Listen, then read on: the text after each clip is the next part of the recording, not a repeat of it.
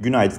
Uluslararası piyasalarda dün e, hani ABD endeksleri klasik S&P 500'de başlarsak e, Walmart'ın açıkladığı bilanço sonrası Walmart ABD'nin e, hatta dünyanın da e, önde gelen e, perakende e, şirketi.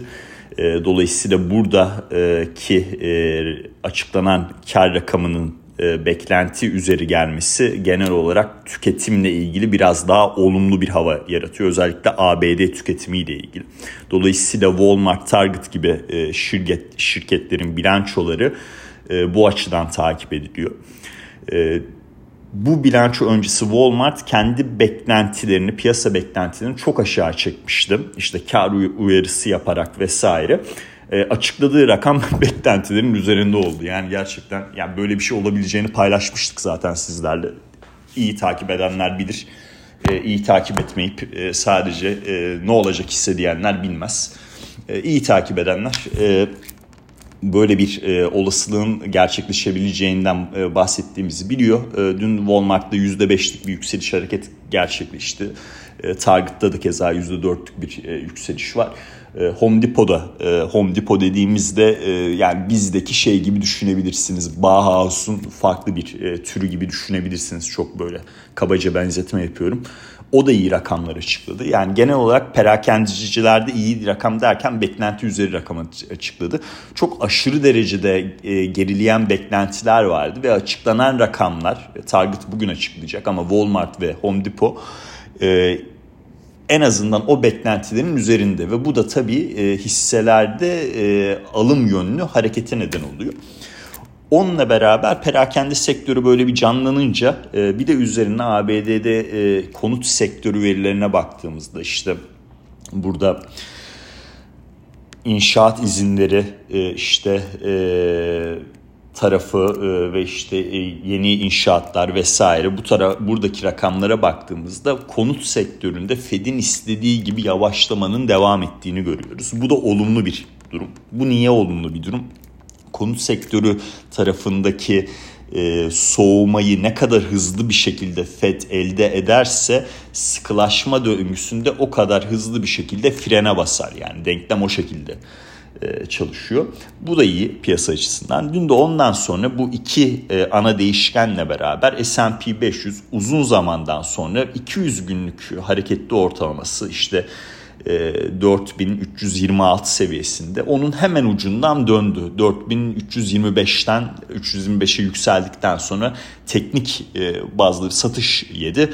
Bir 20 puan kadar. E, o da gayet normal. E, hani o seviyeye geldiğimizde çünkü psikoloji çok önemli. Psikolojik bir e, seviye orası zaten. E, teknikçilerin e, genel olarak baktığı en önemli ortalama 200 günlük ortalamadır diye e, tahmin ediyorum. E, 4305 seviyesinden bir kapanış yaptık. E, şimdi tabii e, bunun devam eder mi? Ee, işte 200 günlük ortalamanın üzerine çıkıp alımlar daha da çok artar mı? Ya doğal, olarak e, böyle bir soru e, oluşuyor e, son zamanlarda. Daha doğrusu Haziran ortasından beri gelen işte %19'luk neredeyse gelen ralliden sonra. Bunun olabilmesi için Fed'in kesinlikle frene basması lazım yani onu söyleyebilirim. E, grafiksel olarak 2 e, ve 10 yıllık makasını e, Fed'in e, faiz oranlarıyla, politika faiz oranıyla üst üste koyduğumda yani mevcut seviyelerde geçtiğimiz işte 20-30 senelik bantta yani 40 eksi 40 eksi 50 bas puan civarında hep böyle bir sıkılaşma döngüsü bir yavaşlamaya girmiş. Ee, şimdi mevcutta da o seviyedeyiz. Ee, ama bunun bir e, ayrı bir şeyi var. 70'li ee, yıllarda outlier var. orada enflasyon tabii çok acayip bir boyutta olduğu için e, o 2-10 yıllık e, makas çok daha eksi seviyelere gidiyor. Şimdi enflasyon dinamiğinin 70'li yıllarda olduğuna inanıyorsanız eğer e, tabii e, sıkılaşma döngüsünde çok daha yüksek seviyelere gidecek gideceğimizi düşünebilirsiniz. E, ve buna bağlı olarak belki de işte e, Michael Burry'nin e, yaptığı gibi bütün pozisyonları neredeyse portföyünüzden satma yönlü bir e, kar, e, karar da alabilirsiniz bu Haziran dibinden gelen rallide e, rally ile beraber bir, bunu bir satış fırsatı olarak değerlendirebilirsiniz. Diğer bir nokta eğer ABD'deki enflasyon dinamiğinin e, 70'li yıllardaki gibi olduğuna inanmıyorsanız e, mevcutta 2 ve 10 yıllık makasın geldiği seviyeleri düşünüp geçmişe doğru bir e, analiz yaptığınızda e, ya bu noktalara gelindiğinde artık sıkılaşmada frene basılmaya başlanmış noktasında bir e, düşünceye e, e, katılıp e, aslında riskli varlıklarda alımların devam daha da devam etmesi lazım görüşüne de sahip olabilirsiniz. Bunlardan hangisi e, gelecekte karşımıza çıkacak? E, açıkçası bir öngörü yapmayacağım şu anda. Ama iki tane olasılık var ve bu iki olasılık iki on yıllık makasına baktığımız zaman net bir şekilde bizim karşımıza çıkıyor. E, bildiğim şeyler şu... E, S&P 500'de ikinci çeyrek e, bilanço sezonu korkulduğu gibi kötü geçmedi. E, üstüne üstlük e, Fed'in iki tane 75 bas puan faiz artışından sonra üçüncüsüyle ilgili olarak mevcuttaki olasılık fiyatlama 50-50 yani 70 yapabilir de diyor 75 yapabilir de diyor piyasa yapamaz da diyor. E, aynı orana sahip. E, dolayısıyla bugün e, açıklanacak FED tutanaklarında bugün açıklanacak e, Temmuz ayı FED tutanaklarında eğer 75'ten az bir faiz artışı yapacağı e, görüşü piyasada daha çok hakim olursa bu riskli varlıklarda alımların devamına neden olur. Keza perakende satışlar verisi de e, var bugün. E, orada da bakacağımız rakam şu. Yani manşet rakam eksi gelebilir arkadaşlar. Ona çok takılmayın. E, çünkü benzin fiyatlarında ciddi bir gerileme oldu aylık bazlı düşündüğümüzde ABD'de. Dolayısıyla onun etkisi şey olacaktır yani perakende satışlara yansıyacaktır. Asıl bakacağımız rakam e, benzin, e, petrol ve araç satışları dışındaki e, işte çekirdek perakende satışlar verisi olarak e, değerlendirdiğimiz nokta. Orada 0.4'lük e, aylık bir artış bekleniyor. Eğer bunun üzerinde bir rakam alırsak bu piyasaya pozitif yansır. Çünkü ABD tüketicisinin e, korkulduğu kadar kötü boyutta olmadığını bize gösterir. Yani bunu da niye söylüyorum? İşte dün mesela Walmart'ın açıkladığı bilanço, ondan sonra şu anda e, yani bugün açıklanacak perakende satışlar ABD tüketicisinin korkulan kadar e, kötü bir durumda olmaması şu demek teknik bir resesyonun gerçek bir resesyona dönüşmeyeceği dönüşmeyeceğinin sinyalinin gelmesi demek. E, bu da e, tabii e, gerçek bir resesyonda endekslerde çok sert satışlar olur. İşte S&P 500 %30'un üzerinde ortalamada %36 idi galiba hatırladığım. Ama siz o %30 diyebilirsiniz yani kafada düşünce olarak e, bir düşüş yaşar ve böyle bir olasılığın daha az bir e, orana sahip olmasına neden olur. Dolayısıyla bu endeksteki o yükseliş hareketinin devamını destekleyen bir e, noktada olması lazım. Ama birçok değişkenin aynı on, aynı onda olması gerekiyor. İşte dünkü yayını dinlediyseniz onları açıklamaya çalıştım. Bugün 2-10 yıllık makasının tarihsel olarak biraz geçmişinden e, size bahsetmeye çalıştım. E, ve aslında enflasyon dinamiği 1970'lerdeki gibi değilse özünde bulunduğumuz noktalarda Fed'in tarihsel olarak 2-10 yıllık split'e baktım, baktım frene bastığı bir noktaya e, da noktaya yakın olduğumuz rakamsal olarak ortaya çıktığını belirttim. Endeks tarafında durum bu. Eğer 200 günlüğün üzerinde bir e, kapanış yaparsak e, yani 4326 üzerinde bir kapanış yaparsak e, 4360'lara kadar gideriz diye düşünüyorum. Onu da niye söylüyorum? Haziran dibinden %20 yukarısı işte o seviyelere denk geliyor. İşte Nasdaq bileşik Haziran dibinden %20 yükseldi. Russell 2000 Haziran dibinden %20 e, yükseldi. Bu trende S&P 500'de katılmış olur.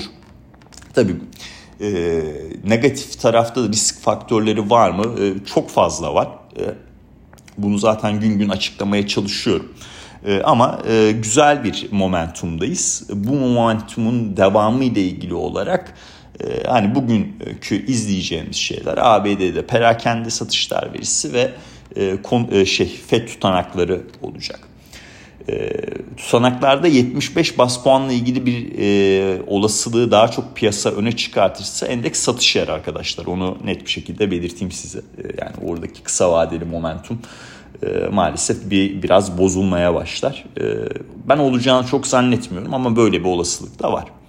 Ya da perakende satışlar e, işte benzin ve şey dışında e, araç satışları dışında çok yani 0.4'lük büyümenin e, aylık bazda 0.4'lük artışın çok daha altında bir rakam açıklanırsa diye belirteyim size. E, şimdi benim en çok canımı sıkan nokta e, yani uluslararası piyasalara baktığımda bu Avrupa'daki doğal gaz fiyatları. E, yani dün gene bir 250 euronun üzerine çıktı. E, bu hoş değil. Yani bu niye hoş değil? E, yani Amerika'da bir e,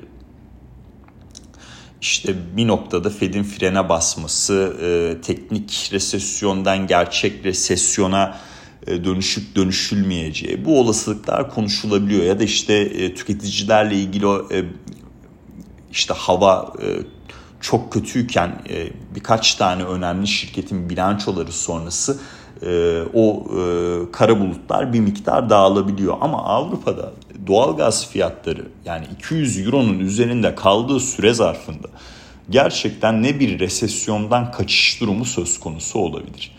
E, ne de e, para politikası e, istediği e, hızda kısa vadede ilerleyebilse bile ondan sonraki dönemde stagflasyon riskleri çok artacağı için e, hareket alanı daha böyle e, sınırlı bir noktaya e, gelir. E, dolayısıyla bu e, hani e, euro dolarda da mesela 1.03'lerin e, üzerinde çok dayanılamaması ya da 1.02.50'yi geçip işte 1.03.70 diyorduk. Tabii o rakamlar değişiyor. E, ortalamalar değişiyor normal olarak. Şu anda 1.03 diyebilirim size ya o 50 günlüğünün üzerine bir türlü kapa üzerinde kapanışları yapıp daha da üst seviyelere gidememesinin altında aslında Fed'in frene basma temasının yanında Avrupa Merkez Bankası'nın Eylül ayında 1.50 bas puanlık daha artış yapmasını beklesem bile bu doğal gaz fiyatları nedenle e, resesyon durumu ve stagflasyon riski çok ciddi boyutta olduğu için e, euro e, yükselişlerde satışıyor e, doğal olarak. Bu tarafı takip edeceğiz. Yani orada top Avrupa'da değil maalesef. Top direkt Rusya'da. Yani kuzeye yakın bir hattındaki kapasite birdenbire %20'den %40'a çıkarsa öyle bir haber gelirse piyasaya doğalgaz fiyatları sert bir geri çekilme yaşarsa bu işte euro için çok pozitif risk algısı açısından da global risk algısı açısından da çok pozitif bir gelişme olacaktır. Ee, ama e, dediğim gibi bunu izleyip göreceğiz. 200 euronun üzerinde kaldığı her zaman e, açıkçası e, benim kafamda e, önemli bir risk faktörü olarak e, durmaya devam eden bir e, Avrupa bölgesi demektir. Keza bugün İngiltere e, enflasyonu verisi de açıklandı. %10 geldi yani manşet rakam e, baktığınızda. E, çekirdekte de çok ciddi yükselişler var. Yani bunun ana nedenleri hani manşet zaten enerji taraflı. Çekirdekte de ciddi yükselişlerin olması vesaire. E, orada enflasyon beklentileri dinamiğinin kırılması oldu. Yani bu savaşla beraber e, enerji fiyatlarındaki yüksek artış ABD e, işte stratejik rezervleri kullandı gitti e, Biden aslında kendisinin daha önceki açıklamalarına hiç uymamasına rağmen işte Muhammed Bin Salman'la gitti görüştü şu oldu bu oldu kendisi zaten hem petrol hem de doğalgaz üreten bir ülke baktığınızda. Bu şeylerden bir şekilde kendini, kendi tüketicisini enflasyon beklentileri bazında korudu. Yani oradaki tüketiciler en azından biz kendimiz bunu üretiriz noktasına geldi. Ama Avrupa'da durum hiç öyle değil. İngiltere'de durum e, her ne kadar orada da tabii petrol e, işte e, kuzey tarafında okyanus altından çıkartılan petroller vesaire var ama Avrupa ve İngiltere bölgesi o enflasyon beklentilerini kontrol altına alamıyor. Bu enerji fiyatlarındaki sıkıntılar nedeniyle. Bu ciddi büyük bir problem yani. Onunla, onu net olarak paylaşabilirim. Ee, canımda sıkan bir nokta açıkçası. Ee, şimdi dün ABD tarafında bir de yeşil enerji paketiyle ilgili olarak Biden'ın e, bunu e, o paketi yasalaştırdığı e, bir nokta var. Şimdi bu şu demek arkadaşlar. Bunu kısaca benim kafamdaki düşünce yani detayları paylaşmayacağım. Daha önceden çok konuştuk çünkü. Bu gümüş pozitif bir haber. Yani gümüş longların arttırılması adına pozitif bir gelişme. Bakır tarafında teknik olarak 50 günlüğün üzerine çıkarsak orada bir tepki alımlarının yani son 2 aydır orada çünkü ciddi satış var. Ee, işte Çin bazlı dersiniz, global büyüme bazlı dersiniz vesaire. Ee, bu yeşil enerji paketinin e, orada bir teknik e, en azından tepki alımları bazında e, bakıra da olumlu yansıdığı bir senaryoyla karşılaşabiliriz. Ama gümüşte pozisyonlanmak bence şu anda gayet mantıklı geliyor. Bakır tarafında grafiksel olarak işte 50 günlüğünü geçtiğinde longların arttırılma, e, long pozisyon açıp e, yani %5, %6 hedefli e, devam etmek mantıklı olabilir. Onun dışında da Bitcoin'de 24 binin üzerindeyiz. Yani orada ortalama sürekli aşağı geliyor. 24.500'ün üzerinde bir kapanış olup olmayacağını takip ediyorum. Olumlu görüşümü koruyorum. Orada herhangi bir değişiklik yok. Hisse bazlı da Toast Toast e, ama kodu Toast e, dün iyi gitti. Dün meme hisseler de bayağı bir iyi gitti. E, Toast'ta e, orada işte 24 dolarlara doğru bir yükseliş hareketi gelebilir orta vadede. Onu takip edebilirsiniz. Bu Bird Mobility yani birim ekonomisi kar marjında ciddi ciddi Bird Global e, birim ekonomisi tarafında ciddi ciddi iyileşme var. E, nakit pozisyonda iyileşme var. E, ben açıkçası yani dün hisse bayağı bir satış yedi. Yani %20'nin üzerinde düştü. Ama burada 60 sentten düştüğü için orada bir 10 centlik veya işte 11-12 centlik hareket bile yüzdesel bazda çok büyük bir boyut oluyor.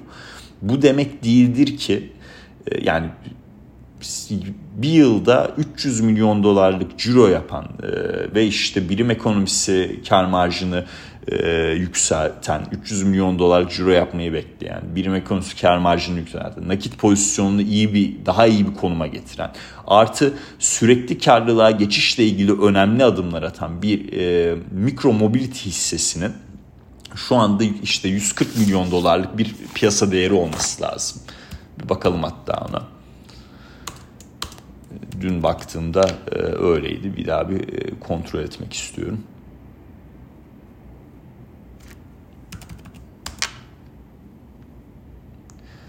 Yani sadece 142 milyon dolarlık bir e, piyasa değeri olmasını benim anlamam mümkün değil. E, yani bu hisseyi ya ben şahsen e, kendime de e, şey yapıyorum zaten. E, uzun vadeli e, daha böyle orta uzun vadeli düşüncede e, burada iyi bir fırsat olabileceğini düşünüyorum. E, çünkü e, o detaylardaki gelişmeleri iyi görebildiğimi düşünüyorum en azından. E, piyasanın ona çok takmadığını düşünüyorum ama o detaylardaki iyileşme bir noktadan sonra daha çok öne çıkacaktır. O bir nokta e, üçüncü çeyrekte açıklayacağı bilançosunda e, karlı bir çeyrek bir daha tak diye önümüze koyduğunda o zaman işte işin rengi biraz e, değişecektir diye düşünüyorum. Daha piyasa algılar durumu. Ee, dolayısıyla e, burada iyi bir yani orta uzun vadede iyi bir fırsat olacağını düşünüyorum. Long pozisyonların kapatılmaması gerektiğini, daha böyle e, hisseyi e, izlemek gerektiğini düşünüyorum. Öyle özetleyeyim. Yani 70-80 hatta 70 nesi 70-80 bu 1 dolarlara kadar giderse yani 90 sent 1 dolar arası diyeyim hani biraz daha şey olarak bundan 6 aylık bir vadede ben açıkçası hiç şaşırmayacağım yani. Onların dışında da yani birçok paylaştığımız hisse çok iyi gitti. İşte en son biliyor en son demeyeyim de daha önceden paylaştığımız Rent the Runway vardı. Yani 5.50 dolardan kapandı. Perakendecilerle ilgili, Walmart'la ilgili görüş belirtmiştik. O dün, dün iyi gitti. E, hisse portföyünün daha iyiye gidebilmesi için izleyeceğimiz noktadır söyledim. Bunlar gerçekleşmezse tabii e, bir miktar yani net olarak gördüğümüz pozisyonlar dışında e, e, risk azaltmak da e, mantıklı olacaktır. E, altını muhakkak e, tutun portföylerde hatta ağırlığını biraz arttırabilirsiniz altın tarafında. E, çünkü yani ABD bir şekilde gerçek resesyondan kaçsa da bu Avrupa tarafı yani bu doğal gaz fiyatlarıyla biraz zor gözüküyor. Dinlediğiniz için teşekkürler. Ee, bugün biraz gene uzattım mı? Şöyle bakayım 20 dakikayı geçmiş. Dinlediğiniz için çok teşekkürler. Ee, herkese e, iyi bir e, seans dilerim. Mutlu günler dilerim.